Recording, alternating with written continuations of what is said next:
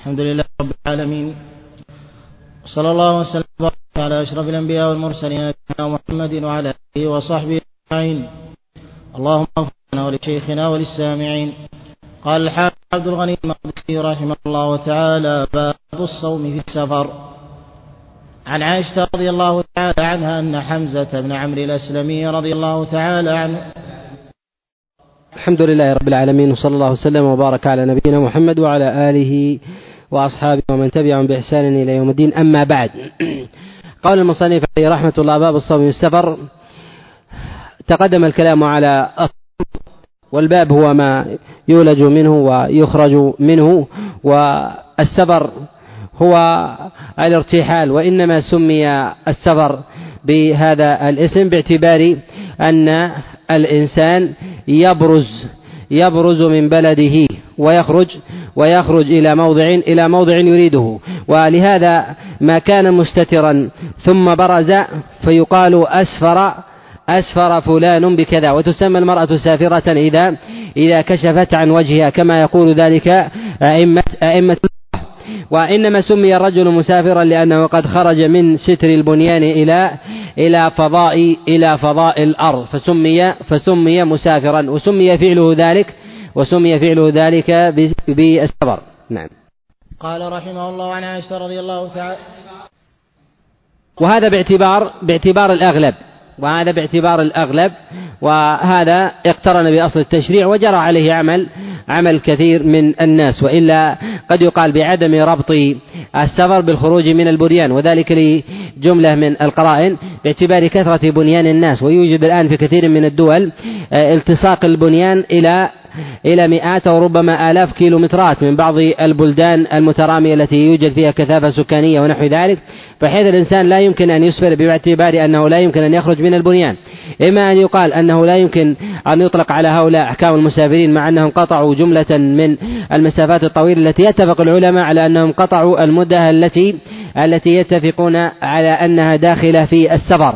أو يقال العبرة بذلك هي من البنيان والإسفار منه. العبرة بذلك هو بعرف الناس وما ألحق به مما لم يمكن ضبطه. ولهذا قد يقال أن الخروج من البنيان في المدن الكثيبة أو المترامية الأطراف ومتسعة أن العبرة بذلك ليس بالخروج والخروج من المباني وإنما العبرة هو بخروج الإنسان من من حيه أو خروج الإنسان مثلا من داره ونحو ذلك.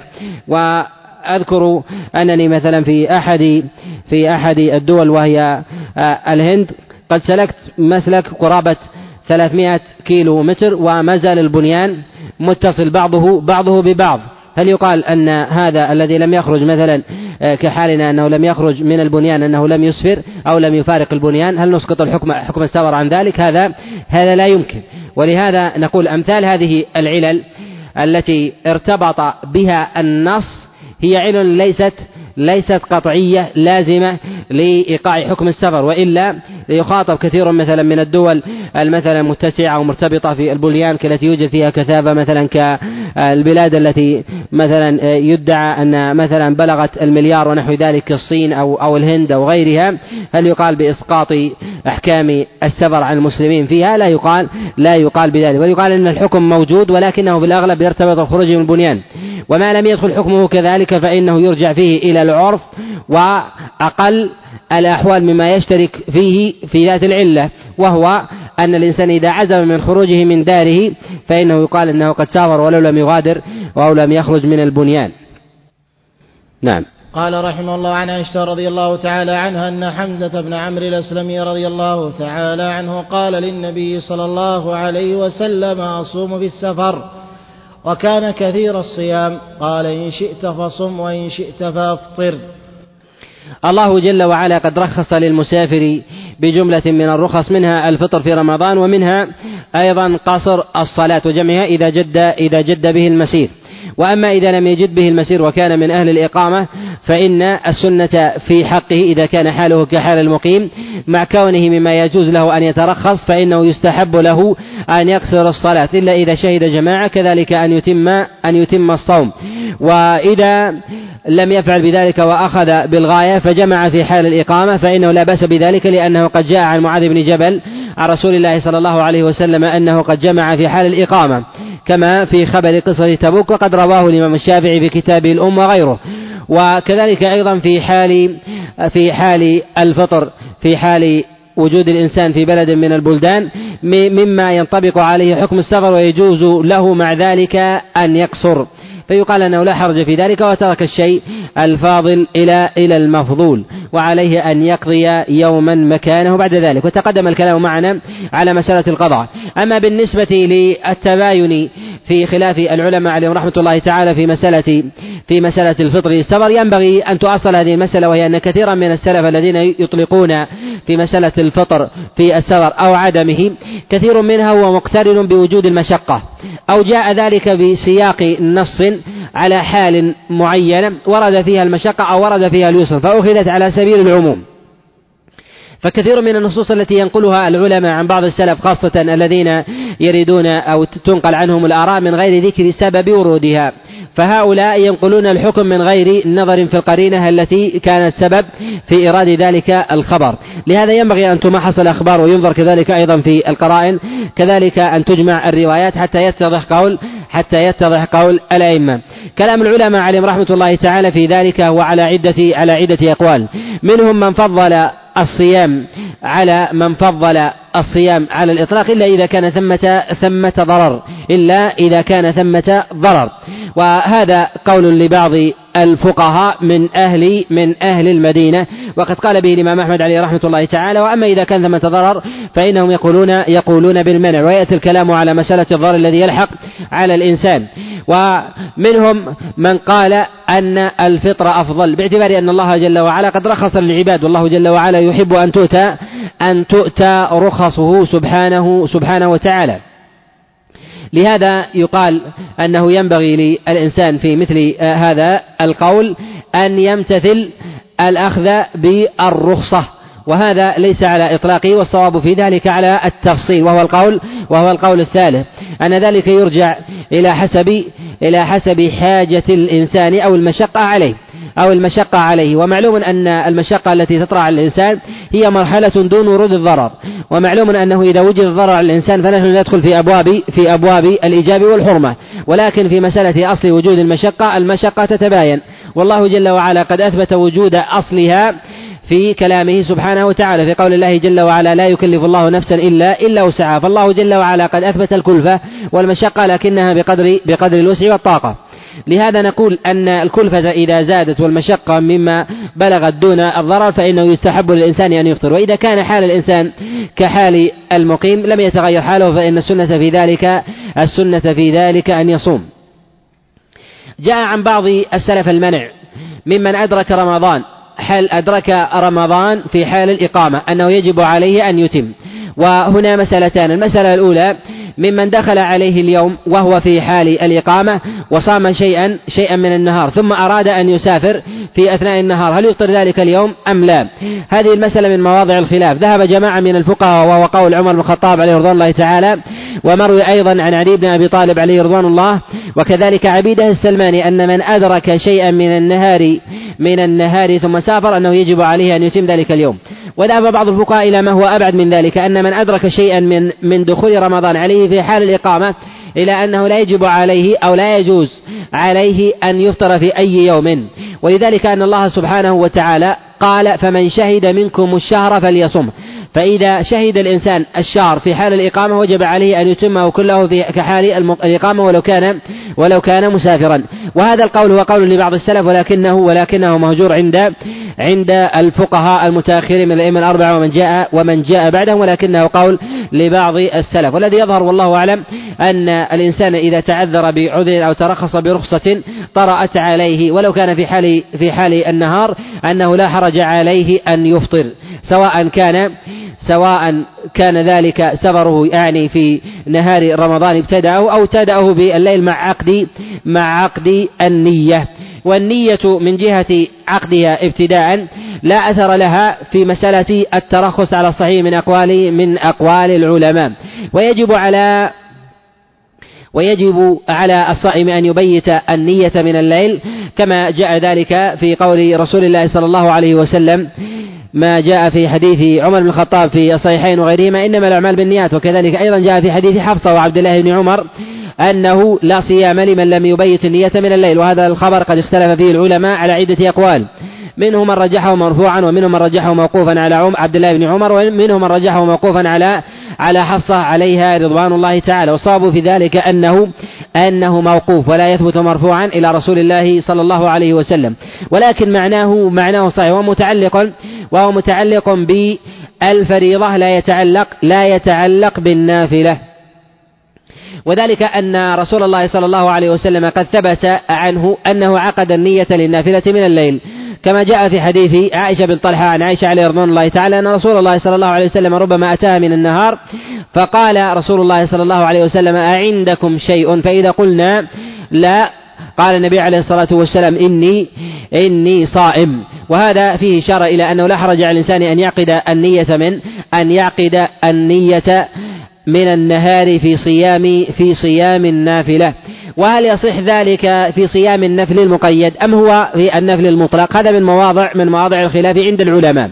ما دل الدليل على صيامه بيوم؟ قال جمهور العلماء أنه لا بد من النية من الليل كصيام يوم عرفة أو صيام يوم عاشوراء. فإنهم قالوا لا بد من النية من الليل لمن لمن أدرك ذلك وعلم أن غدا صوم. فإنه يجب عليه أن يبيت النية. ومن تعمد عدم النية حتى دخل عليه النهار قالوا فأجره في ذلك ناقص ولا يتحقق له صيام ذلك اليوم. والذي يظهر والله أعلم أن الصيام في ذلك يصح من الإنسان إذا عقد النية ولو في النهار ولو قيد ذلك بيوم. وذلك لعموم ما جاء رسول الله صلى الله عليه وسلم في خبر عائشة السابق وذلك أن النبي عليه الصلاة والسلام لم تبين عائشة من حاله هل هذا من أيام من صيام الأيام المقيدة أم ذلك من الأيام من الأيام المطلقة؟ وإذا دخل النهار على الإنسان ثم ثم أراد أن يصوم ذلك ذلك اليوم فهل يقال أن النية مطلقة أنه ينوي من أي وقت من النهار ولو كان ذلك عصرا أو قبيل المغرب هل يصح منه ذلك أم لا؟ هذا من مواضع الخلاف قد اختلف العلماء في ذلك على قولين. منهم من قال أن النية لا تصح في نية صيام النافلة إلا قبل الزوال. ومنهم من قال أن ذلك يجوز من الإنسان ولو كان ولو كان بعد الزوال. اختلف الصحابة بذلك على على قولين. ذهب جماعة منهم وهو قول عبد الله بن عباس عليه رضوان الله تعالى ومروي عن أنس بن مالك وكذلك أيضا عن علي بن أبي طالب أن ذلك قبل الزوال. وروي عن حذيفة بن اليمان أنه لا حرج عليه من أي ساعة من أي ساعة من النهار يعني ولو كان ذلك بعد الزوال. واختلف العلماء في من المتأخرين في أثر ذلك. هل يثاب الإنسان على هذا العمل بتمامه باعتبار أنه يكتب له ما مضى من ذلك اليوم الذي لم ينوه أم أن الأجر يحسب له من ذات من ذات من ذات النية التي ابتدأها؟ فما بعدها فإنه يؤجر فإنه يؤجر عليه وما كان قبل ذلك فإنه لا يؤجر عليه. يقال أن المتقرر في الشريعة أنه لا يوجد لا يوجد صيام شطر اليوم أو بعض اليوم وإنما هو صيام يوم تام. وبعض من يرد على أمثال هذا الإطلاق يقولون أن لا نتكلم على مسألة الصيام وإنما نتكلم على مسألة على مسألة الإثابة. يقال أن الدليل قد دل على رسول الله صلى الله عليه وسلم أن الرجل إذا تعبد لله جل وعلا في حال كفره خالصا له وهو وهو كافر كاليهود والنصراني وكذلك الوثني. إذا فعل فعلا حال وثنيته وحال وحال تنصره أو تهوده لله وهذا قد يقع. فالوثني مثل الذي الذي يعبد الصنم أو يعبد الشجر أو يعبد الحجر قد يعتق الرقاب لله. فبعض العبادات لديه يشرك فيها وبعض العبادات لا يشرك لا يشرك فيها. فإذا أسلم تقبل الله جل وعلا منه ذلك العمل الذي فعله في حال الشرك. فكيف من شخص لم يطرأ عليه ناقض لنيته ثم أخلص لله جل وعلا؟ ألا يتقبل منه البراءة الأصلية في ذلك من أنه لم يدخل على نيته ما يناقضها؟ ولهذا قال رسول الله صلى الله عليه وسلم كما في الصحيح قال أسلمت على ما أسلفت ما أسلفت من خير. يعني ما مضى منك مما أخلصت لله جل وعلا ولو كان في حال كفرك أن الله جل وعلا يثيبك على ذلك. به نعلم به نعلم في آه، به نعلم مسألتين. المسألة الأولى ما يتعلق فينا هنا أنه يكون باب أولى. المسألة الثانية أن المسلم إذا ارتد وكان قد فعل شيئا في حال إسلامه من العبادات الكثيرة المتضافرة خالصة لله جل وعلا ثم ارتد ثم رجع إلى إسلامه. أن ما فعله قبل قبل ردته أنه جل أنه محفوظ عند الله جل وعلا. ولو كان ذلك من العبادات التي التي يثبت إحباطها بمجرد بمجرد ورود الردة على النص. في بعض كلام العلماء كمسألة الحج أن أن الإنسان يجب عليه أن يعيد ذلك الحج الذي فعله وتخلله تخلله بعد رجوع إسلامه ردة. يقال أن هذا يفتقر إلى دليل والأصل في ذلك القبول. فإذا قبلناها من مشرك في حال إشراكه بعد دخول الإسلام فإنها تقبل من مسلم تخلل إسلاميه تخلل إسلاميه ردة. ولهذا نقول أن الإنسان إذا نوى ولم يطعم في أول النهار أو في أوسطه إذا نوى عصرا فإن الله جل وعلا يكتب له سائر سائر اليوم. وهذا مضطرد في كل عمل سواء كان من العبادات المحضة أو كان من العبادات غير المحضة أو كان من العادات التي يقلبها الإنسان عبادة. فإن الإنسان إذا أخلصها بعد بعد أن انقضى ذلك العمل يكتب الله جل وعلا له الأجر الماضي. كحال الإنسان على سبيل المثال الذي يعمر دارا وأهداها لأحد. أو اشترى سيارة وأعطاها لفلان. ويريد أن تكون هذه محمدة ومنقبة ومنقبة لديه حتى يذكره عند عند الناس ولكنه بعد ذلك أراد أن يصحح نيته واحتسب الأجر الله جل وعلا كتب الله جل وعلا له ما مضى من ذلك. يخرج من هذا العبادة التي أشرك الإنسان مع الله جل وعلا فيها غيره فيكون حينئذ قد ناقض نيته وأفسدها بمفسد فهذا يرجع فيه إلى النظر إلى حال العبادة وترجع في هذا إلى نوعين عبادة منفصلة وعبادة متصلة. العبادة المنفصلة المنفكة حبطت من الإنسان ولا يرجع ذلك ذلك العمل. كحال الإنسان مثلا الذي أدى عبادة فصلى مثلا لله ركعتين رياء لفلان وهو لا يصلي فجاء فجاءه فلان مثلا وقال وقال أنت تصلي؟ قال نعم فقام وربما لم يكن على طهارة أو تطهر لأجله ثم ذهب وصلى معه. وهو لم يصليها أصلا إنشاء إلا لأجل فلان. فيقال أنه لو أخلص بعد ذلك تلك الصلاة أنها لا تقبل باعتبار أنه أنشأها وختمها لغير الله. أما العبادة المتصلة كحال الإنسان مثلا الذي ينشئ وقفا لله جل وعلا ثم بعد بنائه ومرور سنة أو سنتين أو عشر سنوات أو عشرين ونحو ذلك أراد أن يخلص بعد أن أشرك مع الله جل وعلا في نيته فأراد الحمد والذكر وأن يحمده الناس في المجالس ولم يخلص لله جل وعلا. نقول نقول هنا إن أخلص لله جل وعلا بعد ذلك باعتبار الاتصال فإنه يثاب يثاب على ذلك كحال العبادة التي ينشئها الإنسان ابتداء لغير الله ثم يخلص أثنائها فإنه يثاب يثاب على ذلك. وهذا من دقائق مسائل النية وأعمال القلوب يرجع فيها يرجع فيها إلى إلى مظانها. وأما إذا طرأ على الإنسان على الإنسان ضرر في بدنه إذا صام في حال سفره فإنه يأثم. بل, بل قال بعض السلف أنه لو مات من صيامه أنه لا يصلى عليه فيكون في حكم القاتل نفسه. ثبت هذا عن أبي هريرة عليه رضوان الله تعالى كما جاء في المصنف أنه رأى رجلا يستظل بظل شجرة وقد شقى عليه في الصيام فقال ما له؟ قال إنه صائم. قال أما إنه لو مات لم أصلي لم أصلي عليه. يعني أنه يعد كحال قاتل النفس لهذا ينبغي الإنسان أن يقدر الأمر بقدرها في قدر المشقة كذلك أيضا في آه، حال اليسر والسهولة وهذا يختلف من زمن إلى زمن كذلك من سفر إلى سفر كذلك من شخص من شخص إلى شخص. وينبغي للإنسان أيضا أن لا ينكر على غيره ولو ترخص في بعض الرخص التي ينبغي أو يستحب له أن يصوم في حال مثلا اليسر والسهولة ما دام أنه في حكم المسافر وقصر الصلاة والصلاة آكد من الصيام. فإذا قصرها فإنه كذلك أيضا من باب أولى أن يفطر في نهار في نهار رمضان والمسألة في ذلك فيها يسر وسهولة والصلاة هي آكد من الصيام كما كما لا يخفى. نعم. قال رحمه الله عن أنس بن مالك رضي الله تعالى عنه أنه قال كنا نسافر مع النبي صلى الله عليه وسلم فلم يعب الصائم على المفطر ولا المفطر على الصائم. في هذا أن النبي صلى الله عليه وسلم بين الحكم لأصحابه ومنهم من أخذ بحسب ذاته ولم يرجع إلى أصل إلى أصل قول منفرد فجعله مضطردا في حاله.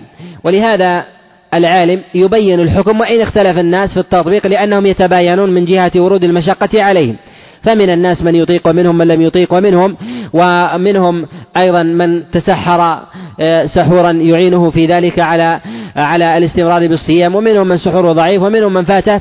من فات السحور. لهذا يقال أن الناس يتباينون ولا ينكر أحدهم على على الآخر. فإذا كانوا مع رسول الله صلى الله عليه وسلم وهو المشرع ويستطيع عليه الصلاة والسلام أن يحسم الأمر في حالهم صوموا أو أفطروا. ومع ذلك منهم من صام ومنهم من أفطر. به يعلم أنه يرجع إلى فرض إلى حال الإنسان. فإذا كان جماعة مثلا في سفر لا يقول أن نتفق أننا نصوم أو نفطر جميعا أو نحو ذلك. كل كل بحسبه. فإن صام فإن صام فالأمر يرجع إليه وقدرته في ذلك وهو أعلم بورود المشقة عليه ورود العذر. وإن أراد كذلك أن يفطر فلا فلا يعنف فلا يعنف على أحد أيضا. وفيه أيضا إحسان الظن في الإنسان الذي يترخص وهو على رأي وعلى هدي وسنة أنه يحسن الظن أن يحسن الظن فيه. كما كان الصحابة عليهم رضوان الله تعالى يتباينون من جهة العمل ولم يعب بعضهم على على بعض. نعم. قال رحمه الله عن أبي الدرداء رضي الله تعالى عنه أنه قال خرجنا مع رسول الله صلى الله عليه وسلم في شهر رمضان في حر شديد حتى إن كان أحدنا ليضع, ليضع يده على رأسه من شدة الحر وما فينا صائم إلا رسول الله صلى الله عليه وسلم وعبد الله بن رواحة. في هذا عناية رسول الله صلى الله عليه وسلم بأصحابه وكذلك أيضا شفقته بهم وكذلك أيضا فيه ما تقدم من الدلالة تباين أصحاب رسول الله صلى الله عليه وسلم من جهة الأخذ وأن مرد ذلك إلى ذات الإنسان من جهة القوة والضعف والقدرة وعدمها والاستطاعة وانتفائها فإن هذا يرجع يرجع إلى ذات إلى ذات الإنسان ولا يعنف على أحد. نعم. وعن جابر بن عبد الله رضي الله تعالى عنه أنه قال كان رسول الله صلى الله عليه وسلم في سفر فرأى زحاما ورجلا قد ظلل عليه فقال ما هذا؟ قالوا صائم. فقال ليس من البر الصوم في السفر ولمسلم عليكم برخصة الله التي رخص لكم. في هذا ما تقدم الكلام عليه أن المشقة إذا وصلت بالإنسان إلى درجة درجة الضرر فإنه يقع يقع في الإثم لأن حفظ النفس أولى أولى من صوم الإنسان من صوم الإنسان في سفره. وكذلك أيضا حفظ النفس أولى من صوم الإنسان في حال الإقامة فإن الإنسان يعذر بورود بعض الأضرار عليه مثلا في حال إقامته بورود مرض أو نحو ذلك أو تناول دواء لا يمكن تأخيره فإن الإنسان يعذر بذلك وذلك لحظ نفسه. ولهذا يقال أن الإنسان يقدم يقدم حظ نفسه وهذا رحمة من الله جل وعلا وفضل على عباده. ورسول الله صلى الله عليه وسلم في قوله ليس من البر الصيام في السفر. أن التعميم من النبي عليه الصلاة والسلام هو مقيد بهذا بهذا النص. وكثير من النصوص يجهل سبب ورودها. وهنا النص لو نقل عن النبي عليه الصلاة والسلام على سبيل الإطلاق من غير ذكر سبب الورود وهو أن نقول النبي عليه الصلاة والسلام قال ليس من البر الصيام في السفر على سبيل الإطلاق من غير نظر لهذه النازلة وذلك القصة فإن ربما ربما تنتج قولا فقهيا لا لم يقل به الإنسان. ولهذا ينبغي لطالب العلم إذا أراد أن ينظر في بعض الإطلاقات التي قالها رسول الله صلى الله عليه وسلم أن يرجع في ذلك إلى أسباب ورود الخبر. وأسباب ورود الأخبار التي تحكى عن رسول الله صلى الله عليه وسلم هي مما يفسر الأمر من جهة العزم وعدمه وكذلك التأكيد وانتفائه وكذلك أيضا من جهة التخصيص من من الإطلاق. ومعلوم أن رسول الله صلى الله عليه وسلم صام في سفره وأفطر عليه الصلاة والسلام. والنبي عليه الصلاة والسلام إنما أطلق هذا الإطلاق الذي لو نقل لأخذ على عمومه وهو إطلاق محمول على تلك الحالة. التي صام الإنسان وهو وهو في سفر فسقط واجتمع عليه أصحاب رسول الله صلى الله عليه وسلم فقال النبي عليه الصلاة والسلام ليس من البر صيام السفر. مع كونه مع كونه متعلق بركن من أركان الإسلام أن النبي عليه الصلاة والسلام نفى البر عن فعل ذلك لورود لورود المشقة عليه. وكثير ممن يقول بالاستحباب على سبيل الإطلاق في الصيام في السفر فإنهم يأخذون بأمثال هذه بأمثال هذه العمومات. لهذا الذي ينبغي لطالب العلم في فهمه لكثير من النصوص أن يرجع في ذلك أن يرجع في ذلك إلى أسباب ورود الأخبار. ويتمكن طالب العلم من ذلك بعدة سبل منها بجمع الطرق بجمع الطرق من الكتب وغيرها فإنه يوفق إلى إلى معرفة الأسباب.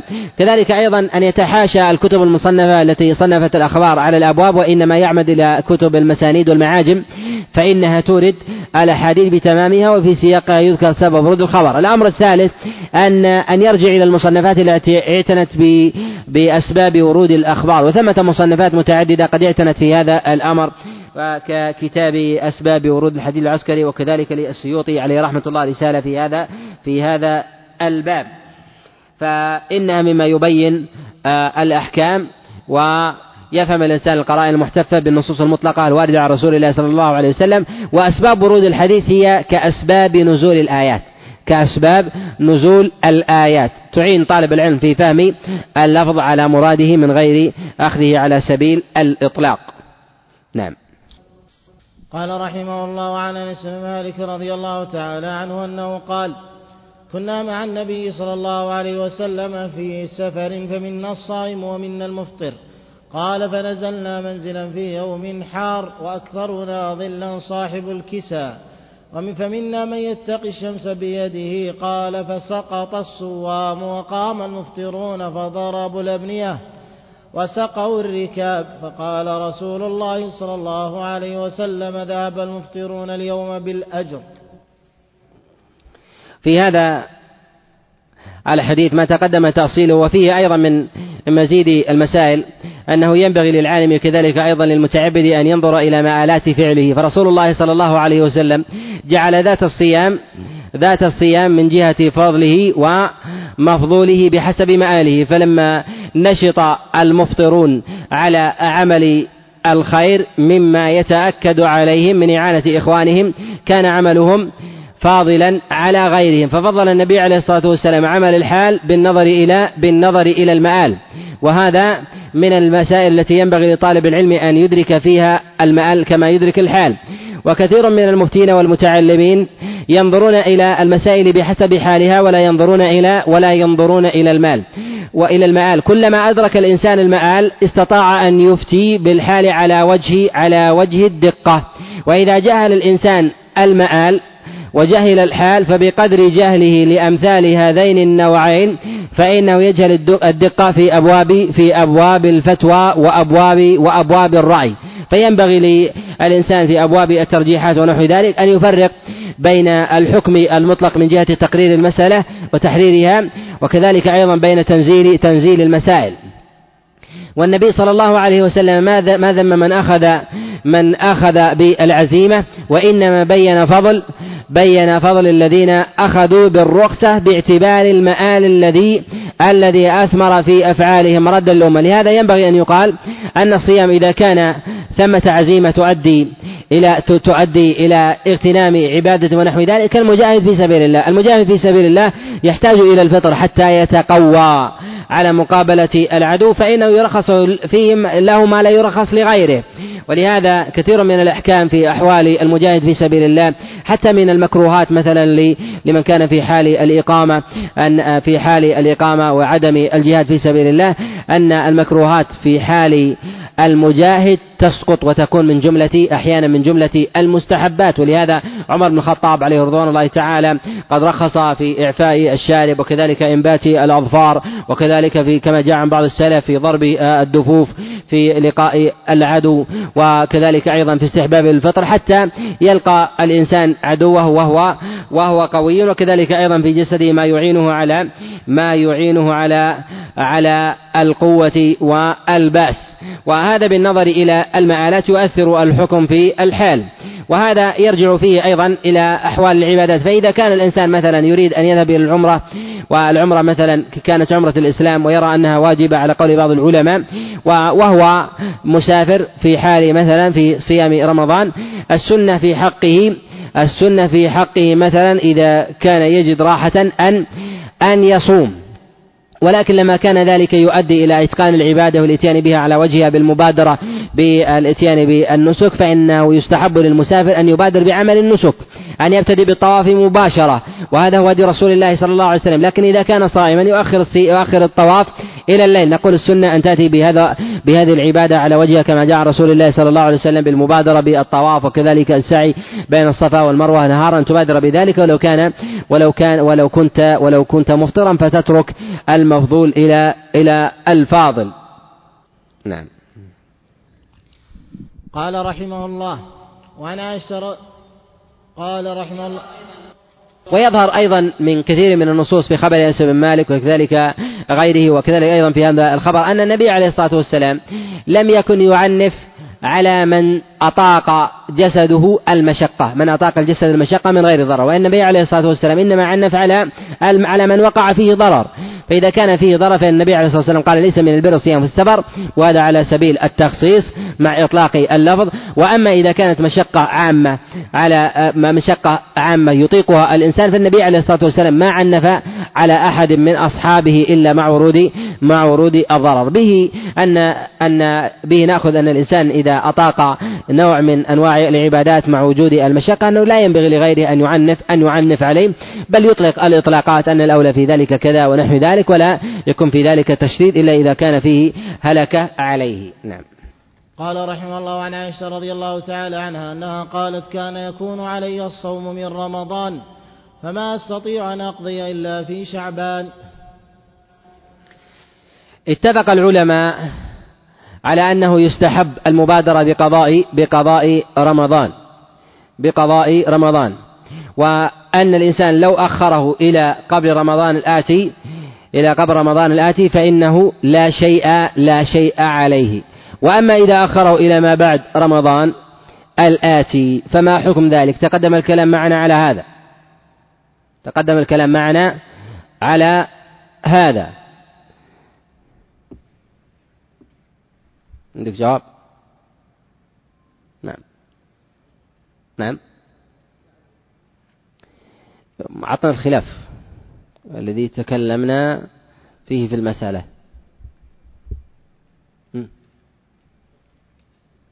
أنت.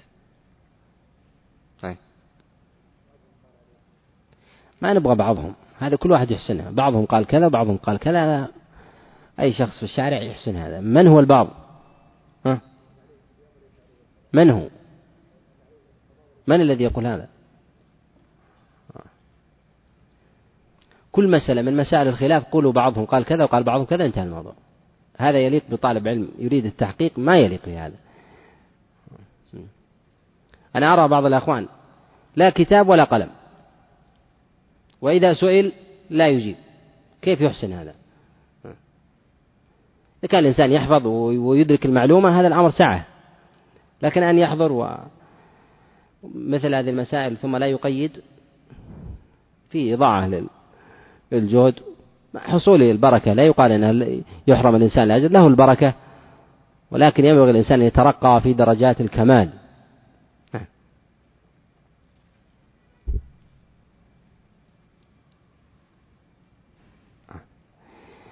السؤال لا يعطاه من سأله من لم يسأل هو الذي يعطى. عندك جواب؟ أعطنا جواب. قول من؟ هذا من كيسك. كيسك أنت. نعم. عندك جواب؟ أعطني الجواب. قول الأول قول من؟ ثم. من من الصحابة؟ قال بالكفارة.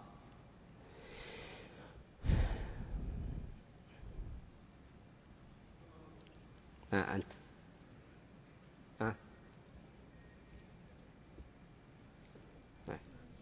أصحابنا هنا آه. تضبط شيء؟ تعرف المسألة؟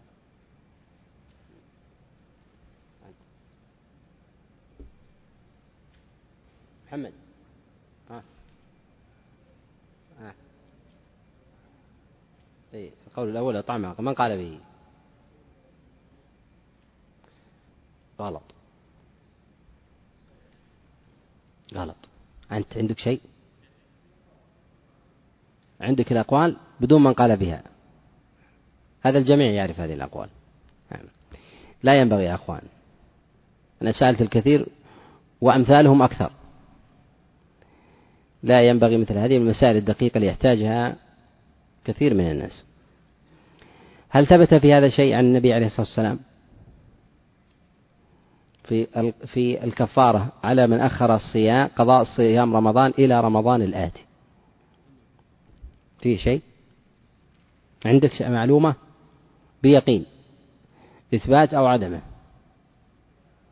ها؟ حديث عائشة في الباب قرأناه. عندك شيء؟ ها؟ من دونه؟ عندك شيء؟ أنت. لا إله إلا الله. اختلف العلماء في هذه المسألة على قولين. اختلف العلماء في هذه المسألة على قولين. ذهب جمهور العلماء وهو مروي منسوب للأئمة الأربعة أنه يجب عليه في ذلك الكفارة. الكفارة مع القضاء قضاء ذلك اليوم. وقال بهذا من الصحابة عبد الله بن عباس عليه رضوان الله تعالى. وثمة قول آخر قال به عبد الله بن مسعود إلى أن الإنسان إذا أخر الصيام إذا أخر الصيام إلى رمضان الآتي أنه يجب عليه القضاء خالف السنة ويجب عليه القضاء ولا يجب عليه ولا يجب عليه في ذلك كفارة وهي الإطعام. والصواب في ذلك قلنا أنه خالف السنة ولا يجب عليه الإطعام لأن الإطعام يفتقر إلى دليل. والمروي عن عبد الله بن عباس عليه رضوان الله تعالى في هذا في الإلزام بالإفطار هو أعلى الموجود في هذا الباب. وخالفه في ذلك عبد الله بن مسعود عليه رضوان الله عليه رضوان الله تعالى. وقول عبد الله بن مسعود هو الأظهر بالصواب باعتبار أنه متعلق بالأصل بعدم الإلزام بعدم الإلزام إلا إلا بدليل. ولا حرج على الإنسان أن يؤخر صومه إلى إلى شعبان كما كانت عائشة عليه رضوان الله تعالى تؤخر صيامها صيامها لحاجة رسول الله صلى الله عليه وسلم. مع أن حاجة النبي عليه الصلاة والسلام لعائشة في كثير من الأحيان ظنية لظنها أنه ربما يحتاجها النبي عليه الصلاة والسلام. مع ذلك أفطرت لمقام رسول الله صلى الله عليه وسلم وما قضت إلا وما قضت وما قضت إلا في شعبان. وإنما قلنا أن عائشة عليها رضوان الله تعالى تركت ذلك مع أن حاجة النبي عليه الصلاة والسلام ظنية وليست وليست على سبيل الإيجاب في كل في كل يوم. وذلك أن عائشة لو كانت حاجة النبي عليه الصلاة والسلام لها على سبيل الدوام لما وجب عليها أن تقضي في شعبان. وإنما جعلت القضاء في شعبان باعتبار أنه هو, هو مقارنة بين الفاضل والمفضول فقدمت حاجة النبي عليه الصلاة والسلام على سنية تعجيل القضاء فأخرت قضاءها عليها رضوان الله تعالى إلى إلى شعبان. ف والنبي صلى الله عليه وسلم قطعا يعلم يعلم حالها حالها في ذلك. ولهذا نسبت العذر في ذلك إلى رسول الله صلى الله عليه وسلم في قولها لمقام أو لحاجة رسول الله صلى الله عليه وسلم. وهل يستحب للإنسان أن يصوم من صيام النوافل قبل القضاء أم لا. أولا جاء عن رسول الله صلى الله عليه وسلم جملة من النوافل مما يستحب للإنسان أن أن يصومه. من ذلك صيام الأيام البيضة وصيام يوم إفطار يوم أو صيام الاثنين ويروى في هذا الخميس أيضا وكذلك أيضا صيام يوم عرفة وكذلك أيضا عاشوراء وصيام ستة أيام من شوال وغيرها من السنن المطلقة والمقيدة. فهل للإنسان أن يصوم هذه النوافل قبل أن يؤدي القضاء الذي عليه؟ قد اختلف العلماء في هذا. ذهب جماعة من العلماء وهو قول الجمهور من الفقهاء إلى أنه يجب عليه أن يؤدي القضاء الذي عليه ثم بعد ذلك يأتي بالنافلة. روي عن جماعة من السلف وهو قول جماعة كثير أيضا من الفقهاء من السلف إلى أنه لا حرج على الإنسان أن يصوم النافلة لظواهر الأدلة. فإن النبي عليه الصلاة والسلام وكذلك أيضا في حال عائشة يظهر أن النبي عليه الصلاة والسلام كان ربما يحتاج إليها نهارا والفريضة لا بد من النية من الليل. بخلاف النافلة فإن الإنسان قد يبقى يبقى على غير نية ثم ينوي نهارا كحال عائشة عليها رضوان الله تعالى فذلك لا يعارض حاجة النبي. فإذا احتاج إليها رسول الله صلى الله عليه وسلم أفطرت ذلك اليوم. ولكن لو نوت الفريضة من الليل قضاء ثم دخل عليها النهار فإنه يحرم عليها أن تقطع الفريضة. ومعلوم أن القضاء كحال كحال الأدب فمن نوى صيام يوم صيام يوم وكان هذا اليوم قضاء لرمضان فهو فهو كحال الأدى فإذا نواه من الليل ودخل عليه النهار ليس له ليس له أن يفطر بخلاف صيام النافلة. لهذا نقول أن ذلك يختلف عن صيام القضاء ولا حرج على الإنسان أن يصوم أن يصوم نهارا. ومن استدل بحديث عائشة عليه رضوان الله تعالى فهو استدلال مع الفارق. وروي هذا القول عن جماعة من السلف وهو مروي عن سعيد بن المسيب وكذلك أيضا عن سعيد بن جبير وغيرهم. ولا حرج على الإنسان مثلا يصوم ستة أيام ستة أيام من شوال قبل قبل قضاء قبل قضاء رمضان. ثم إنه ثمة قرينة في هذا الباب وهو أن من أفطر يوما من رمضان فهو معذور وهو حكما داخل في عموم قال رسول الله صلى الله عليه وسلم من صام رمضان. النبي عليه الصلاة والسلام قال صام رمضان. ورمضان ثلاثين يوم أقله تسع وعشرون يوما. فإذا أطلق النبي عليه الصلاة والسلام في قوله من صام رمضان من كان معذورا هل صام رمضان أو لم يصم رمضان؟ نعم هو داخل في حكم صام رمضان. والدليل على ذلك أن الإنسان يثاب على عمله إذا تركه وهو معذور. ولهذا قال النبي عليه الصلاة والسلام في الصحيح من حديث أبي موسى قال عليه الصلاة والسلام إذا مرض العبد أو سافر كتب الله له ما يعمل وهو صحيح وهو صحيح مقيم. فإذا عذر الإنسان مثلا وأفطر يوما من رمضان في حال سفره فإنه حينئذ يكون كحال كحال الصائم من جهة الأجر ويطلق عليه هذا الإطلاق. ولا حرج عليه أن يقدم ستة أيام من شوال على قضاء على قضاء رمضان. وهنا مسألة وهي المرأة. إذا تركت الصيام في نفاسها أو في حيضها أو تركت الصلاة فهل هي يكتب لها الأجر كحال الرجل أم لا؟ المرأة إذا تركت إذا تركت الصلاة. معلوم أن المرأة إذا كانت حائضا أو كانت نفساء فإنها لا تصلي ولا تصوم وتقضي الصيام ولا تقضي الصلاة. وهذا باتفاق باتفاق العلماء. هل تثاب على الفعل الذي تركته وهي معذورة أم لا؟ اختلف العلماء في هذه المسألة على قولين. من الفقهاء وهما قولان في مذهب الإمام الشافعي. من العلماء من قال أنها تثاب على ذلك كحال الرجل وهذا هو الأظهر. لأنه قد ثبت في النص عن رسول الله صلى الله عليه وسلم أنه أنه سمى سمى الحيض الذي يطرأ على المرأة أنه أنه مرض. قد جعله الله جل وعلا على بنات على بنات آدم. وسمى سمي أيضا في بعض المرويات أنه أنه ابتلاء من الله جل وعلا لبنات لبنات آدم. فإذا كان على هذا النحو ولم يكن ثمة خيار وهي مأمورة بذلك فإن اللائق اللائق أن يقال أنها تثاب على ذلك. وهما قولان ومن العلماء من قال أنها لا تثاب على ذلك وهذا هو ظاهر البون بين الرجل والمرأة من جهة النقص في أمر العبادة.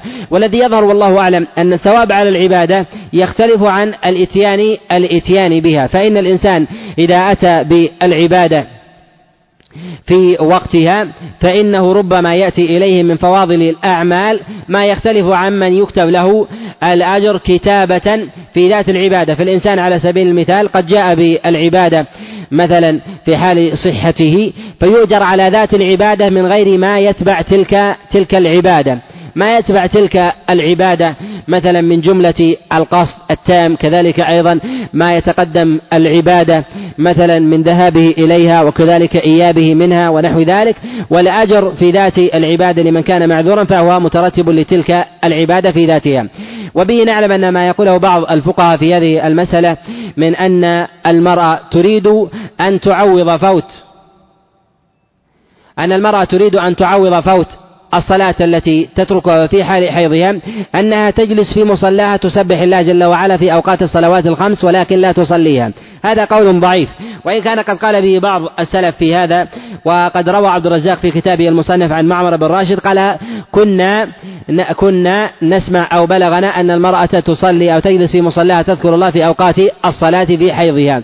وهذا قول لا أعلمه عن أحد من أصحاب رسول الله صلى الله عليه وسلم وهو قول لبعض الفقهاء من السلف ولا دليل ولا دليل على ذلك. ولكن لو سبحت المرأة واستغفرت في ذهابها ومجيئها وقيامها من غير أن تجلس مصلاها على سبيل التقييد في أوقات الصلوات الخمس فتذهب وتجيء إلى المصلى. هذا يفتقر إلى دليل ولم يفعله أمهات المؤمنين ولم ينقل في ذلك عن أحد من أصحاب النبي عليه عليه الصلاة والسلام. قال رحمه الله عن عائشة رضي الله تعالى عنها أن رسول الله صلى الله عليه وسلم قال من مات وعليه صيام صام عنه وليه. وأخرجه أبو داود وقال هذا في النذر في النذر. وهو قول أحمد بن حنبل. في قول رسول الله صلى الله عليه وسلم من مات وعليه صيام صام عنه وليه. اختلف العلماء في الصيام عن الولي بحسب اختلافهم وتباينهم في هذا في هذا الخبر. حمل غير واحد من العلماء هذا الحديث على صيام على صيام النذر. وهذا مروي عن عائشة عليه رضوان الله تعالى وكذلك أيضا عن عبد الله بن عمر وهو ظاهر قول الإمام مالك عليه رحمة الله وقول الإمام أحمد. وذهب جماعة من العلماء أنه أنه عام. أي حتى في صيام في صيام رمضان. أن من مات وعليه قضاء فإنه يصوم عنه وليه.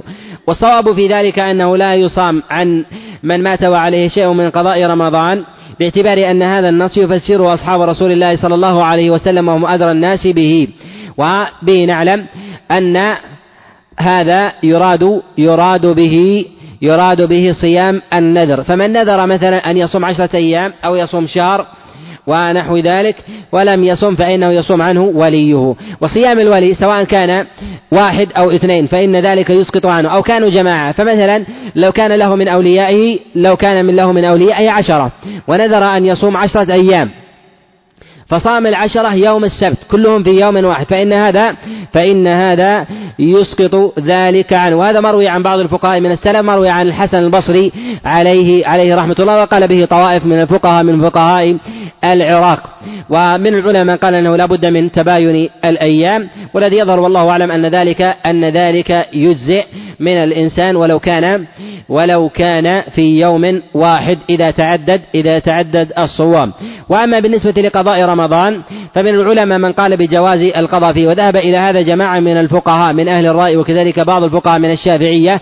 والصواب في ذلك أنه مقيد بالنذر. والواجب في ذلك لمن فرط في قضاء رمضان أن يطعم عنه عن كل يوم عن كل يوم مسكين.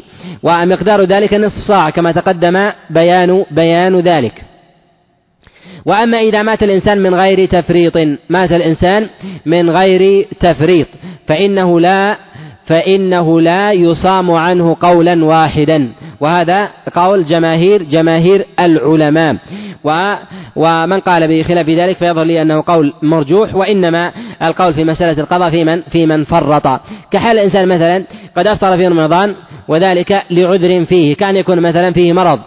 فيه مرض واستمر هذا المرض مثلا إلى ما بعد رمضان بستة أشهر ومات بعد ستة أشهر. كان يكون مثلا مات في شهر رجب أو مات مثلا في في جمادى وغيرها فإنه يقال أنه معذور في ذلك. والخلاف في جواز الإطعام وصار في ذلك أنه يطعم. ومن كان يطعم عنه وليه ومن كان عليه ومن كان عليه إطعام فهل يبادر بالإطعام قبل انقضاء رمضان مثلا رجل اعتاد من نفسه المرض وأن به مرض لا يرجى برؤه فهل يطعم قبل دخول رمضان؟ أم لا؟ اعتاد رمضان السابق أو الذي قبله والذي قبله أنه لا يصوم كالشيخ الكبير ونحو ذلك هل يطعم عنه في أول رمضان أو لا بد من انسلاخه؟ أو كل يوم بحسب اختلف العلماء في هذه المسألة على عدة أقوال. وملخصها منهم من قال بأنه يطعم في انسلاخ رمضان ومنهم من قال في أوله والصواب في ذلك أنه إذا دخل رمضان جاز أن أن يطعم عن سائر الأيام. وهذا قال به بعض الفقهاء من السلف ومروي عن أنس بن مالك عليه رضوان الله تعالى كما رواه البيهقي وكذلك ابن أبي شيبة وغيرهم. ومنهم من قال أنه يطعم عن كل يوم على حدة في يومه وهذا قول ضعيف. نعم. قال رحمه الله عن عبد الله بن عباس رضي الله تعالى عنهما أنه قال جاء رجل النبي صلى الله عليه وسلم فقال يا رسول الله إن أمي ماتت علي صوم شهر أفأقضيه عنها؟ فقال لو كان على أمك دين أكنت قاضيه عنها؟ قال نعم. قال فدين الله أحق أن يقضى. وفي رواية جاءت امرأة إلى رسول الله صلى الله عليه وسلم فقالت يا رسول الله إن أمي ماتت وعليها صوم نذر فأصوم عنها فقال أرأيت لو كان على أمك دين فقضيته أكان يؤدي ذلك عنها؟ قالت نعم. قال فصومي عن أمك. وهذا ما وهذا يخصص ما تقدم في حديث عبد الله بن عمر في قول رسول الله صلى الله عليه وسلم من مات وعليه صوم صام عنه وليه وأنه في صوم النذر. ولهذا جاء هنا في رواية صوم النذر. ولهذا ينبغي كما تقدم الإشارة إليه أن طالب العلم إذا ورد إليه خبر على صيغة العموم أن يرجع في سبب وروده. فربما كان سبب الورود يقيد يقيد الإشكال لديه. وبعض الفقهاء يستدل بالعموم في اللفظ الأول على وجوب على وجوب الصيام عن من مات سواء كان ذلك من صيام رمضان أو صيام النذر. والرواية تبينه وكذلك ما جاء ما جاء في حديث عبد الله بن عمر. جاء في حديث عبد الله بن عمر عليه رضوان الله تعالى وقد رواه الإمام مالك في الموطأ وغيره أن النبي صلى الله عليه وسلم قال لا يصوم أحد عن أحد ولا يحج أحد عن أحد.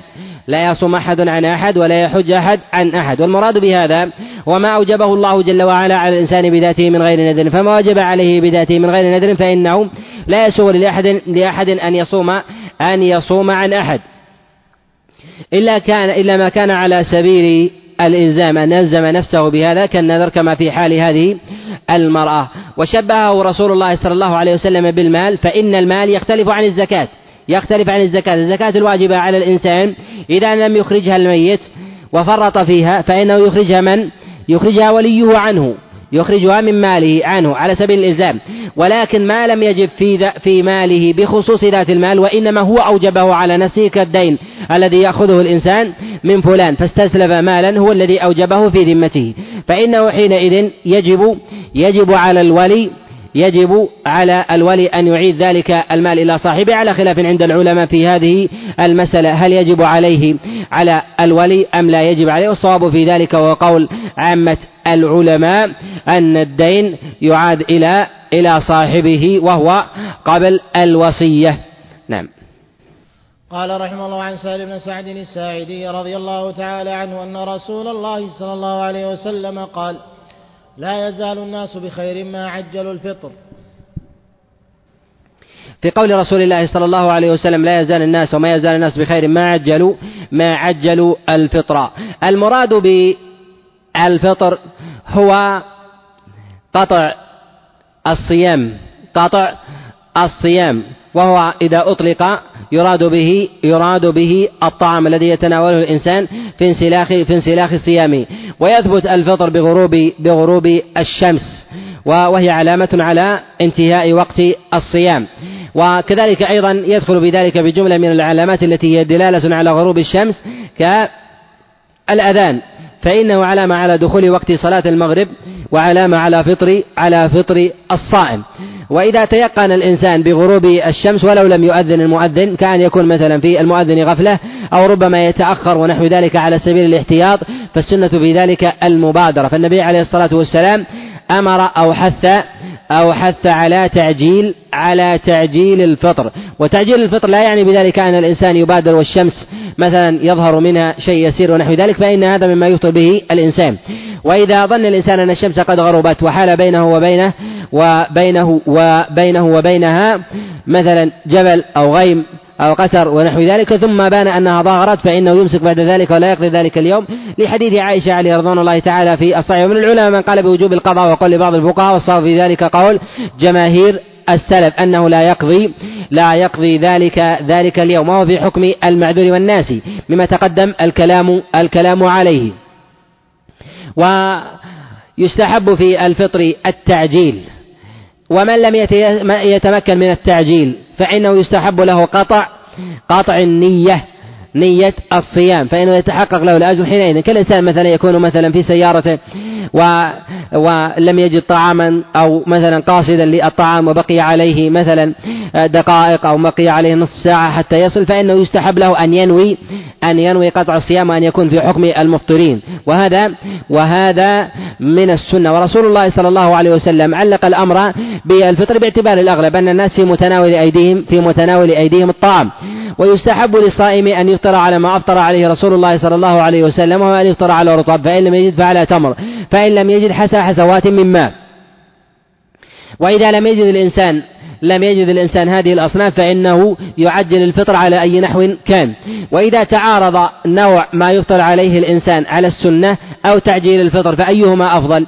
كأن يكون الإنسان مثلا قد أوجد أو وجد معه طعاما لكنه لكنه مفضول والسنة أن يفطر على تمر وإن لم يجد فعلى فعلى ماء هل يؤخر الفطر إلى أن يجد الطعام الفاضل أم يقدم الطعام المفضول لأن التعجيل أفضل؟ يقال أنه يقدم الطعام المفضول لأن التعجيل أفضل.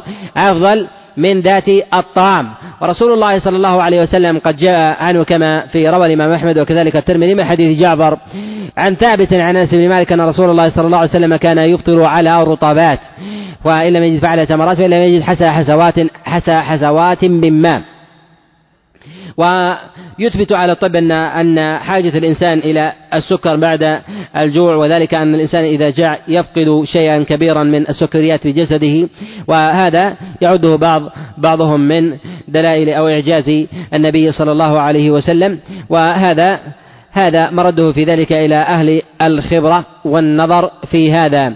والتمر في ذاته مخصوص بجملة من الفضائل وكفي ذلك ما جاء النبي عليه الصلاة والسلام في حديث جابر في صحيح الإمام مسلم بيت لا تمر فيه جياع جياع أهله. وينبغي أن يبادر بالفطر بالتمر وإن لم يجد يبادر بأي شيء من هذا. وأما المبادرة فصفتها أن يعلم الإنسان أن يعلم الإنسان أن قرص الشمس قد سقط و وجبت صلاة المغرب فإنه حينئذ فإنه حينئذ يفطر. وقد جاء عن عبد الله بن عمر عليه رضوان الله تعالى أنه كان يأمر مولاه نافع أن يستره. وهو وهو يتعجل الفطر حتى لا يراه أحد فيسيء الظن فيسيء الظن به. وإذا علم الإنسان مثلا أن مسجد الحي أو التقويم مثلا يتأخر على سبيل الاحتياط ثلاث دقائق أو أربع دقائق ونحو ذلك لا حرج عليه أن يبكر ولو لم ولو لم يؤذن. شريطة أن يتيقن ذلك وكذلك أيضا يبتعد عن التهمة فلا يراه أحد ويظن أنه قد أفطر أفطر أفطر والناس والناس صائمون. فيدفع التهمة عن نفسه في ذلك كما كان عبد الله بن عمر وهو من هو في هذه المنزلة يدرأ التهمة عن نفسه. وقد كان النبي عليه الصلاة والسلام أيضا يدرأ التهمة عنه عليه الصلاة والسلام وهو من هو عليه الصلاة والسلام بالمقام المعلوم. ينبغي الإنسان أن يتقي الشبهات ويدفع أيضا عن عرضه. ولهذا يقول النبي عليه الصلاة والسلام كما في الصحيحين وغيرهما من حديث النعمان بن بشير قال من اتقى الشبهات فقد استبرأ لدينه وعرضه. وأن الاستبراء للعرض ولو كان موافق فعله للدين هذا من المقاصد المحمودة في الشرع. لأن الإنسان إذا وقع في عرضه فإن هذا ينقص من قبول قوله وكذلك أيضا يكون مجلبة للقدح والطعن والطعن فيه. و بعض جاء عن بعض السلف أنه كان يؤجل الفطر إلى ما بعد صلاة المغرب وهذا مروي عن بعض السلف مروي عن عمر بن الخطاب عليه رضوان الله تعالى. ويحتمل والله أعلم أن المراد بذلك بالفطر هو جلوس الإنسان لتناول الطعام بخلاف استحلال صيامه فإن الإنسان يستحل يستحل أو ينهي الصيام بتناول تمرة أو شربة ماء فيكون حينئذ قد عجل قد عجل الفطر. أما طعام الإنسان فإن هذا فإن الإنسان مخير مخير به السنة أن يبادر بذلك ولو أجله لمصلحة مثلا أن يرعى شأن الناس في المسجد أو أو مثلا كالمؤذن الذي يؤذن ويصعب عليه أن يرجع ونحو ذلك يتناول مثل ماء أو تمرة ثم بعد ذلك يؤذن ويبقى في المسجد ثم يتناول الفطر ولعل هذا ما جاء عن عمر بن الخطاب يحمل يحمل عليه هذه هذه الحال. ويسن للإنسان أيضا أن يجمع غيره على فطره كما جاء هذا عن بعض عن بعض السلف. ويروى في هذا عن علي بن أبي طالب عليه رضوان الله تعالى ولم اعلم ولا أعلم له اسناد أنه كان يجمع من حوله من آه، ويجعلهم يفطرون على هذا. وهذا اعلى ما جاء في الباب فيما أعلم من جمع السلف الصالح في من الصحابة عليهم رضوان الله تعالى الناس على الإفطار على خلاف ما كان عليه المتأخرون فإنهم اعتادوا ذلك وغلب في فعلهم. وهذا من الأمور الحسنة من إطعام الناس واهداء الطعام إليهم وكذلك أيضا إطعام الفقراء. وتاليف قلوبهم. وكيف هذا لو اقترن بشيء من الأمور المستحبة؟ إذا كان ذلك إلى فقراء معوزين أو عمالة مثلا وافدين ما يتألف آه، قلوبهم بهذا الشيء فإن هذا من الأمور من الأمور الحسنة. وإنما لم يشع عند السلف الصالح كذلك عند المتأخرين تسحير الصائمين. وذلك لأن التسحير عادة يكون في زمن متأخر ووقت هجعة الناس وكذلك انشغال مثلا بالصلاة والعبادة فكل يتسحر لهذا المقصد على حدة. وإلا كما تقدم الإشارة إليه فإن تسحير الصائم أفضل أفضل من تفطيره باعتبارات تقدم الإشارة إليها باعتبار أن التفطير لم يثبت عن النبي عليه الصلاة والسلام. في ذلك خبر صحيح وما جاء في هذا فهو معلول. وكذلك أيضا فإن النبي عليه الصلاة والسلام قد امتدح الفطر في تعجيله وامتدحه لذاته وامتدح السحور لذاته وامتدحه لتأخيره أيضا. فإنه يقال أن الإنسان إن استطاع أن يسحر غيره فإن فيه بركة لأنه يعين يستقبل الصيام والعبادة في حال الصيام أفضل من العبادة في حال الفطر. قال رحمه الله عن عمر الخطاب رضي الله تعالى عنه أنه قال قال رسول الله صلى الله عليه وسلم إذا أقبل الليل منها هنا وأدبر النهار منها هنا فقد أفطر الصائم. ينبغي للإنسان أن يحتاط لصيامه بمعرفة المواقيت مواقيت دخول الصيام الإمساك وكذلك أيضا الإفطار. والنبي صلى الله عليه وسلم في قوله يقول إذا أدبر الليل من ها هنا وإذا أقبل الليل من ها هنا وأدبر النهار من ها هنا فقد أفطر الصائم. وهذا ضبط للإنسان أنه ينبغي ينبغي له أن يعرف حساب دخول صيامه وكذلك أيضا انصرامه. وذلك باعتبار أن الصيام ركن من أركان الإسلام فينبغي الإنسان أن يحتاط لهذا الركن العظيم باعتبار أوله واعتبار واعتبار آخره. وهذا وهذا الأمر يدل على تعظيم شعائر الله وحدود الله سبحانه وتعالى والدليل أيضا على قوة إيمان الإنسان ومراقبته لله جل وعلا. فكلما احتاط الإنسان لعباده لعبادته احتياطا لا يصل إلى درجة الوسوسة ونحو ذلك فإن هذا دليل على دليل على كمال إيمانه وكذلك خوفه وكذلك حرصه على دينه وحياطته حياطته له. وأما ما كان مما يشتبه على الإنسان فينبغي له أن يدعه مثلا إذا كان الإنسان مثلا مما أباحه الله جل وعلا له ودل الدليل على الترخص فيه ويخشى عليه من التبعة في ذلك مثلا كالقبلة للصائم بالنسبة للقبلة لزوجه كذلك أيضا في تذوقه للطعام مثلا إذا كان يخشى من وصوله إلى جوفه ونحو ذلك فإنه يبتعد عنه. وقد جاء التذوق للصائم في خبر عائشة عليه رضوان الله تعالى أنه لا حرج في ذلك كذلك أيضا أن يمضغ الإنسان شيء مثلا في فمه مما لا يتحلل ينبغي الإنسان أن أن يبتعد عنه. ف وأما إذا كان مثلا يأخذه ويعلم أنه لا لا يتحلل ويصل إلى جوفه فإنه لا حرج عليه. كأن مثلا أن يمضغ الإنسان أو يضع مثلا في فمه شيء لا طعم له مثلا كالمعدن أو مثلا أو الورق أو نحو ذلك فإن هذا في الغالب أنه لا يتحلل ويروى في ذلك عن عائشة عليه رضي الله تعالى أنها كانت تمضغ علكا.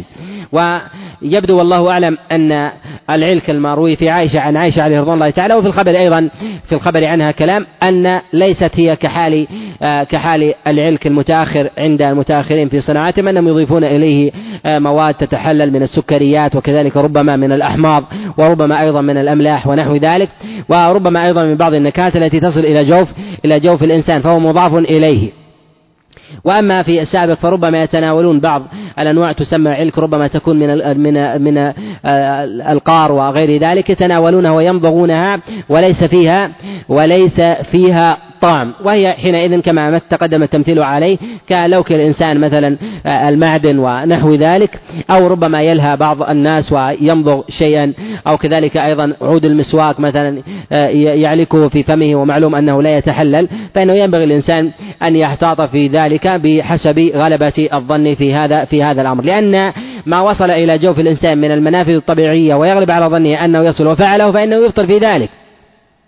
كحال الإنسان يقول الذي أريد أن أتذوق الطعام ويعلم من حاله أنه لا يمسك ذلك الطعام الذي يصل إليه مثلا كضعف في لسانه ومثلا أو في رهواته ونحو ذلك وأن الطعام يتسلل إلى جوف ما يعرفه من حاله فأراد أن يترخص فيتناول ذلك فإن وصل إلى جوفه وهو يعلم بغلبة ظنه أنه سيصل فإنه يفطر بذلك ولو كان ولو كان قليلا. هذا على قول جمهور العلماء خلافا لبعض الفقهاء من أهل الرأي كأبي حنيفة عليه رحمة الله.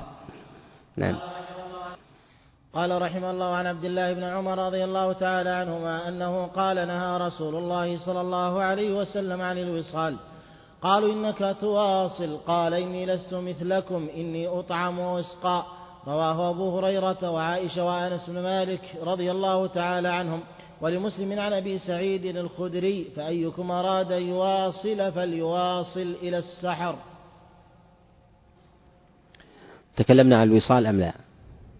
تكلمنا. من الذي كان يواصل من السلف؟ السؤال لا يعطاه من يسأله. آه أنت. من الذي كان يواصل؟ جاره. جاره. من؟ ما في شخص بهذا الاسم.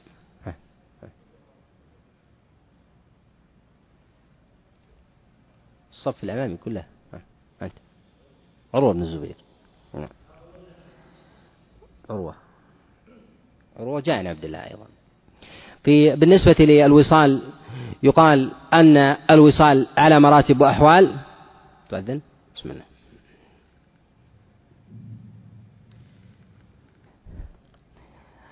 الوصال المراد به أن يستمر الإنسان بصيامه بعد الفطر وأدناه إلى أدناه إلى السحر وأوسطه أن أن يصل الإنسان باليوم الذي يليه. وأبعده من ذلك أن يصل الإنسان أن يصل الإنسان يومين وثلاثة. وجاء عن جماعة من السلف الوصال ثلاثة وجاء ما هو أزيد من ذلك وجاء ما هو دون هذا. واختلف العلماء في جواز ذلك. يظهر من ظاهر النص أن رسول الله صلى الله عليه وسلم كان ينهى أصحابه عن الوصال وكان يواصل. ولما جاء عن بعض السلف أنه كان يواصل كما يروى هذا عن بعض السلف روي هذا عن أبي هريرة وروي أيضا عن ابن الزبير وغيرهم. يقال أنه قد رخص فيه بعض السلف إذا كان الإنسان يستطيع يستطيع ذلك. وروي هذا الترخيص عن بعض الأئمة كالإمام أحمد عليه رحمة الله. ولكن يقال أن النبي صلى الله عليه وسلم بين اختصاصه بذلك في قول إني لست كهيئتكم. وأن الإنسان ينبغي له ينبغي له أن يعجل الفطر. وإذا واصل فاته فاته تلك فاته ذلك الفضل وتلك العبادة. والنبي صلى الله عليه وسلم بين منزلتها وبين مكانها. وفي قول رسول الله صلى الله عليه وسلم إني لست كهيئتكم. إن معي إني إني أطعم وأسقى وجاء في رواية إن معي ربي يطعمني ويسقيني. وهذه الرواية ومن جهة المعنى هي كالرواية السابقة والمراد بهذا أن الله جل وعلا معه يسليه وليس الطعام على الحقيقة. على الصحيح من العلماء من قال من قال أنه على على الحقيقة والصواب في ذلك أنه ليس على الحقيقة والمراد بهذا هو طعام الروح وسقياها. أن الله جل وعلا يسلي نبيه ويصبره بجملة من أنواع من أنواع تسلية النفس حتى يمضي الوقت ولا يشعر الإنسان بهذا. ومعلوم أن الإنسان إذا تسلى وجد ما يشغله في دينه فإنه ينسى ينسى نفسه عن الطعام والشراب. وقد خص الله جل وعلا نبيه عليه الصلاة والسلام بهذه بهذه الخصائص. وهذه ليست ليست في غيره وبه يعلم أن الأفضل في ذلك والأكمل أن الإنسان لا لا يواصل. وقد كان العليا من أصحاب رسول الله صلى الله عليه وسلم من الخلفاء الراشدين الأربعة وأضرابهم أنهم لم يكونوا لم يكونوا يواصلون وكانوا يجعلون ذلك من خصائص النبي عليه الصلاة والسلام. قال رحمه الله باب أفضل الصيام وغيره. عن عبد الله بن عمرو بن العاص رضي الله تعالى عنهم عنهما قال أخبر رسول الله صلى الله عليه وسلم أني يقول والله لأصومن النهار ولا أقومن الليل ما عشت. فقلت له قد قلته بأبي أنت وأمي. قال فإنك لا تستطيع ذلك فصم وأفطر وقم ونم وصم من الشهر ثلاثة أيام. فإن الحسنة بعشر أمثالها وذلك مثل صيام الدهر. قلت فإني أطيق أفضل من ذلك. قال فصم يوما وأفطر يومين. قلت فإني أطيق أفضل من ذلك. قال فصم يوما وأفطر يوما فذلك صيام داود وهو أفضل الصيام. فقلت فإني أطيق أفضل من ذلك. وفي رواية لا صوم فوق الصوم داود شطر الدهر. صم يوما وأفطر يوما. وعنه أنه قال قال رسول الله صلى الله عليه وسلم إن أحب الصيام إلى الله صيام داود وأحب الصلاة إلى الله صلاة داود. صيام الدهر مما صيام الدهر مما نهى رسول الله صلى الله عليه وسلم كما جاء في الخبر في قول رسول الله صلى الله عليه وسلم لا صام من صام الأبد. وقد نهى النبي صلى الله عليه وسلم عبد الله بن عمرو عليه رضوان الله تعالى أن يصوم أن أن يواصل في صيامه وأن يستمر بذلك وهذا مما نهى عنه رسول الله صلى الله عليه وسلم. وقد ندم على آه، أخذه عدم أخذه بقول رسول الله صلى الله عليه وسلم عبد الله بن عمر في آخر في آخر عمره لما لما وجد أثر ذلك في في بدنه. وأعلى الصيام هو أن يصوم يوم ويفطر يوم ثم يليه بعد ذلك من جهة فضل الصيام هو صيام يوم عرفة وصيام يوم عاشوراء ثم بعد ذلك صيام يوم الاثنين ثم بعد ذلك صيام أي صيام الأيام البيض ثم بعد ذلك صيام ثلاثة أيام من كل من كل شهر ثم بعد ذلك صيام يوم الخميس ثم ثم بعد ذلك صيام يوم الأربعاء. وهذا من جهة الأيام المقيدة وقد جاء جملة من الأخبار في صيام يوم الأربعاء وتضافرت نصوص وكلها معلولة لكن يدل على أن ثمة أصل. لكن لا يداوم الإنسان عليه يصوم مرة ثم ثم يفطر أخرى. وأما بالنسبة للصيام من جهة الأشهر فالنبي عليه الصلاة والسلام كان يصوم شهر الله المحرم وكان النبي عليه الصلاة والسلام يصوم شعبان حتى يقال حتى يقال لا يفطر عليه الصلاة والسلام. وصيام الدهر منهي منهي عنه.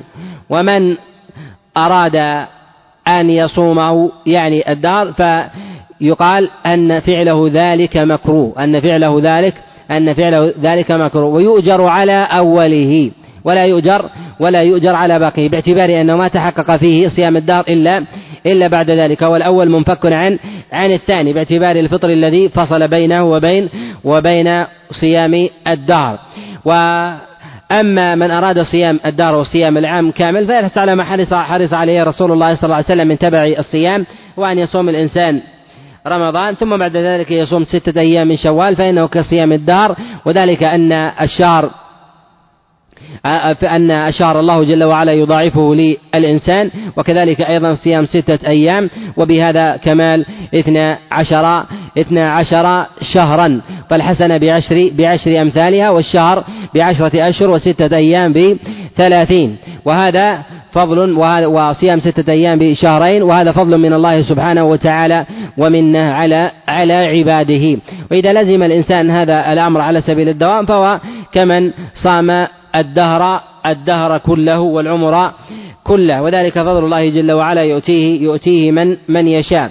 وكذلك أيضا من المسائل المتعلقة بهذا الخبر أنه ينبغي للإنسان ألا يميل إلى ما تستروح إليه نفس إلى إليه النفس مجردة عن النص. فكثير من من النفوس تتشوف إلى نوع من أنواع العبادة وتقبل على ذلك وتغفل أفضلية النص يأتي من نوع من أنواع العبادة فاضل ومفضول ويأتي من العباد من بعض العبادات أن يؤتى به على سبيل القصد. والنفس تتشوف على سبيل المبالغة والغلو في ذلك فإن هذا ربما يكون من مداخل الشيطان خاصة من الإنسان الذي يقبل على العبادة وكان قبل ذلك خاليا منها. فإن مداخل الشيطان على هذا ظاهرة. كحال الإنسان مثلا الذي يسرف على نفسه بالمعاصي ونحو ذلك ويقبل ويجد إقبال على العبادة إذا صاحبه توبة فيقبل مثلا على الصلاة ويقبل على الصيام. يجد انفلاتا من النفس في باب العبادة لا يرده في ذلك شيء يحب الصلاة ويأنس بها ويحب الصيام ويحب الذكر ويحب طلب العلم. فيغلو في البداية. نقول أن البداية إذا بدأ الإنسان من الأعلى نزل حتى حتى يدع تلك العبادة. والشيطان في ذلك له حيلة على كثير من بني آدم أنه إذا وجد صاحب الهمة إقبالا على ذلك لا يملك رده فهو يطلق له الزمام لأنه إذا إذا استمر في الغاية والأكمل في ذلك ابتداء بعد عدم في هذا أنه يرجع إلى يرجع إلى العدم وهذا مشاهد أن الإنسان الذي يبدأ من لا شيء ويبدأ ويبالغ في أمر العبادة كالذي مثلا يقبل على قيام الليل فيقوم الليل من صلاة العشاء إلى صلاة الفجر هذا يستمر أيام أو ربما أسابيع ثم ينقطع بخلاف الذي يأخذها على سبيل التدرج. ويقاوم نفسه أن يبتدئ على سبيل الدرج يصلي في أول الليل مثلا بضع ركعات ويصلي مثلا يوتر بخمس أو ثم آه ثم يوتر بسبع ثم بتسع ثم يترقى في ذلك حتى يصل إلى إلى 11 ركعة. هذا هو الأكمل والأفضل. يتروح مع النفس ولا يغلبه الشيطان على على نفسه فيفتح له الباب لأن الشيطان إذا أقبلت النفس على العبادة ولا يملك ردها. إما أن يردها حتى تصل إلى درجة القصد فتستمر فيرد الزيادة أو يجعلها تقبل, تقبل على التمام والكمال في هذا الأمر. ولا تقتصد ف فترجع إلى ما كانت عليه. فالنفس التي تقبل على العبادة من وسبقها عدم تختلف عن النفس التي تدرجت في أبواب في أبواب العبادة. وللنفس سياسة في ذلك ومن نظر إلى أصل التشريع من من كلام الله عز وجل وكلام رسول الله صلى الله عليه وسلم يجد أن الله جل وعلا فرض العبادات على سبيل التدرج. فرض الله جل وعلا الصيام ابتداء على سبيل التدرج. كان مما فرض الله جل وعلا على عباده صيام ثلاثة أيام من كل شهر قبل رمضان. ثم فرض الله جل وعلا على عباده صيام يوم عاشوراء على سبيل الإلزام. ثم جعل الله جل وعلا صيام رمضان مستحبا. من شاء أن أن يصوم ومن شاء أن أن يطعم. ثم أوجبه الله جل وعلا على عباده. وهذا توطين للنفوس. ثم أمر الله جل وعلا أيضا الرجل أن يأمر ابنه بالصلاة على سبيل التدرج. يأمره وهو ابن سبع سنين. يأمره أمرا في ابتداء الأمر من غير ضرب. ومعلوم أن الأمر إذا لم يصاحبه ضرب يقع فيه تفريط. ثم بعد ذلك يقع فيه إلزام. ثم بعد ذلك يحافظ الإنسان على الصلاة. والنبي صلى الله عليه وسلم جعل أفضل العمل والعبادة وأدومها وإن قل. ولو كان قليلا الإنسان يداوم في صلاة الليل ولو على ركعتين لا يفرط فيها أفضل من الذي يصلي ليلة القيام كامل ثم يدعها شهورا أن الذي استمر على ذلك هو أفضل أفضل منه. ورسول الله صلى الله عليه وسلم أرشده إلى صيام إلى صيام داود وهو أنه كان يصوم يوما ويفطر ويفطر يوما. وقيل أن هذا قبل داود واشتهر به داود والذي يظهر في النص أن هذا صيام لداود عليه السلام وبقي عليه آه، وبقي مما أقره النبي صلى الله عليه وسلم آه، لأمته كما في هذا الخبر. نعم. قال رحم الله عنه قال أنه قال قال رسول الله صلى الله عليه وسلم إن أحب الصيام إلى الله صيام داود وأحب الصلاة إلى الله صلاة داود. كان ينام نصف الليل ويقوم ثلثه وينام سدسه وكان يصوم يوما ويفطر يوما. في تفضيل رسول الله صلى الله عليه وسلم لصيام داود باعتبار أنه صيام شطر الدهر. أن الإنسان يصوم يوما ويفطر ويفطر يوما. ولو أن الإنسان مثلا أراد أن يصوم يوم ويفطر يوم كصيام داود لكنه اعترض له في في أثناء صيامه مثلا الأيام البيض فأراد أن يصومها فتخللها فتخللها نوع من الوصل. هل هذا يخرج عن السنة أم لا؟ الذي يظهر والله أعلم أن الإنسان إذا كان يصوم يوم ويفطر يوم هو أكمل الصيام. ولو مر عليه ولو مر عليه الأيام البيض ولو مر عليه مثلا الاثنين أو الخميس ونحو ذلك فإنه يفطر فيه إذا كان إذا كان قد صام يوما يوما قبله. لأن هذا هو الأكمل والغاية الغاية في ذلك والزيادة على ذلك مما مما لا يشرع. بعض العلماء يقول لا حرج في ذلك لأن هذه الأيام على سبيل الاعتراض والذي يظهر والله أعلم أن صيام يوم وافطار يوم كافي ولو أفطر الإنسان ولو أفطر الإنسان بعض الأيام الفاضلة لأنه أتى بالأكمل. الأسئلة بس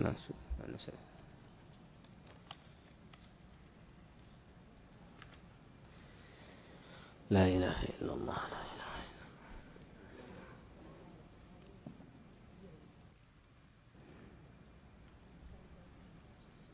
يقول هنا هل يتولى جمع الأموال الزكوية رئيس المركز الإسلامي في بعض البلدان الأقلية أو يكتفي بالحث على دفع الزكاة؟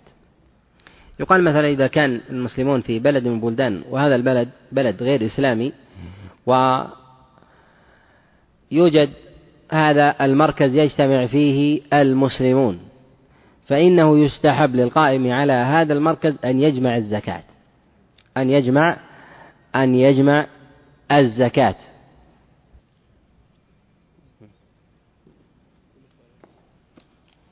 سنجيب الأوراق لدينا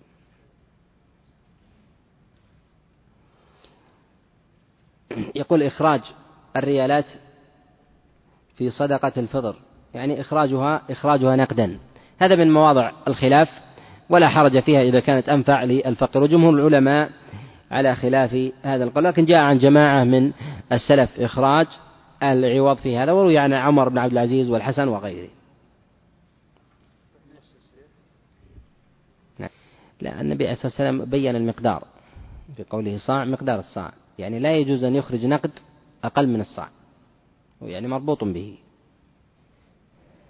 يقول إذا كان ثمة حاجة وإلى الأولى ارتباط بفعل النبي عليه الصلاة والسلام لأن يخرجها طعام.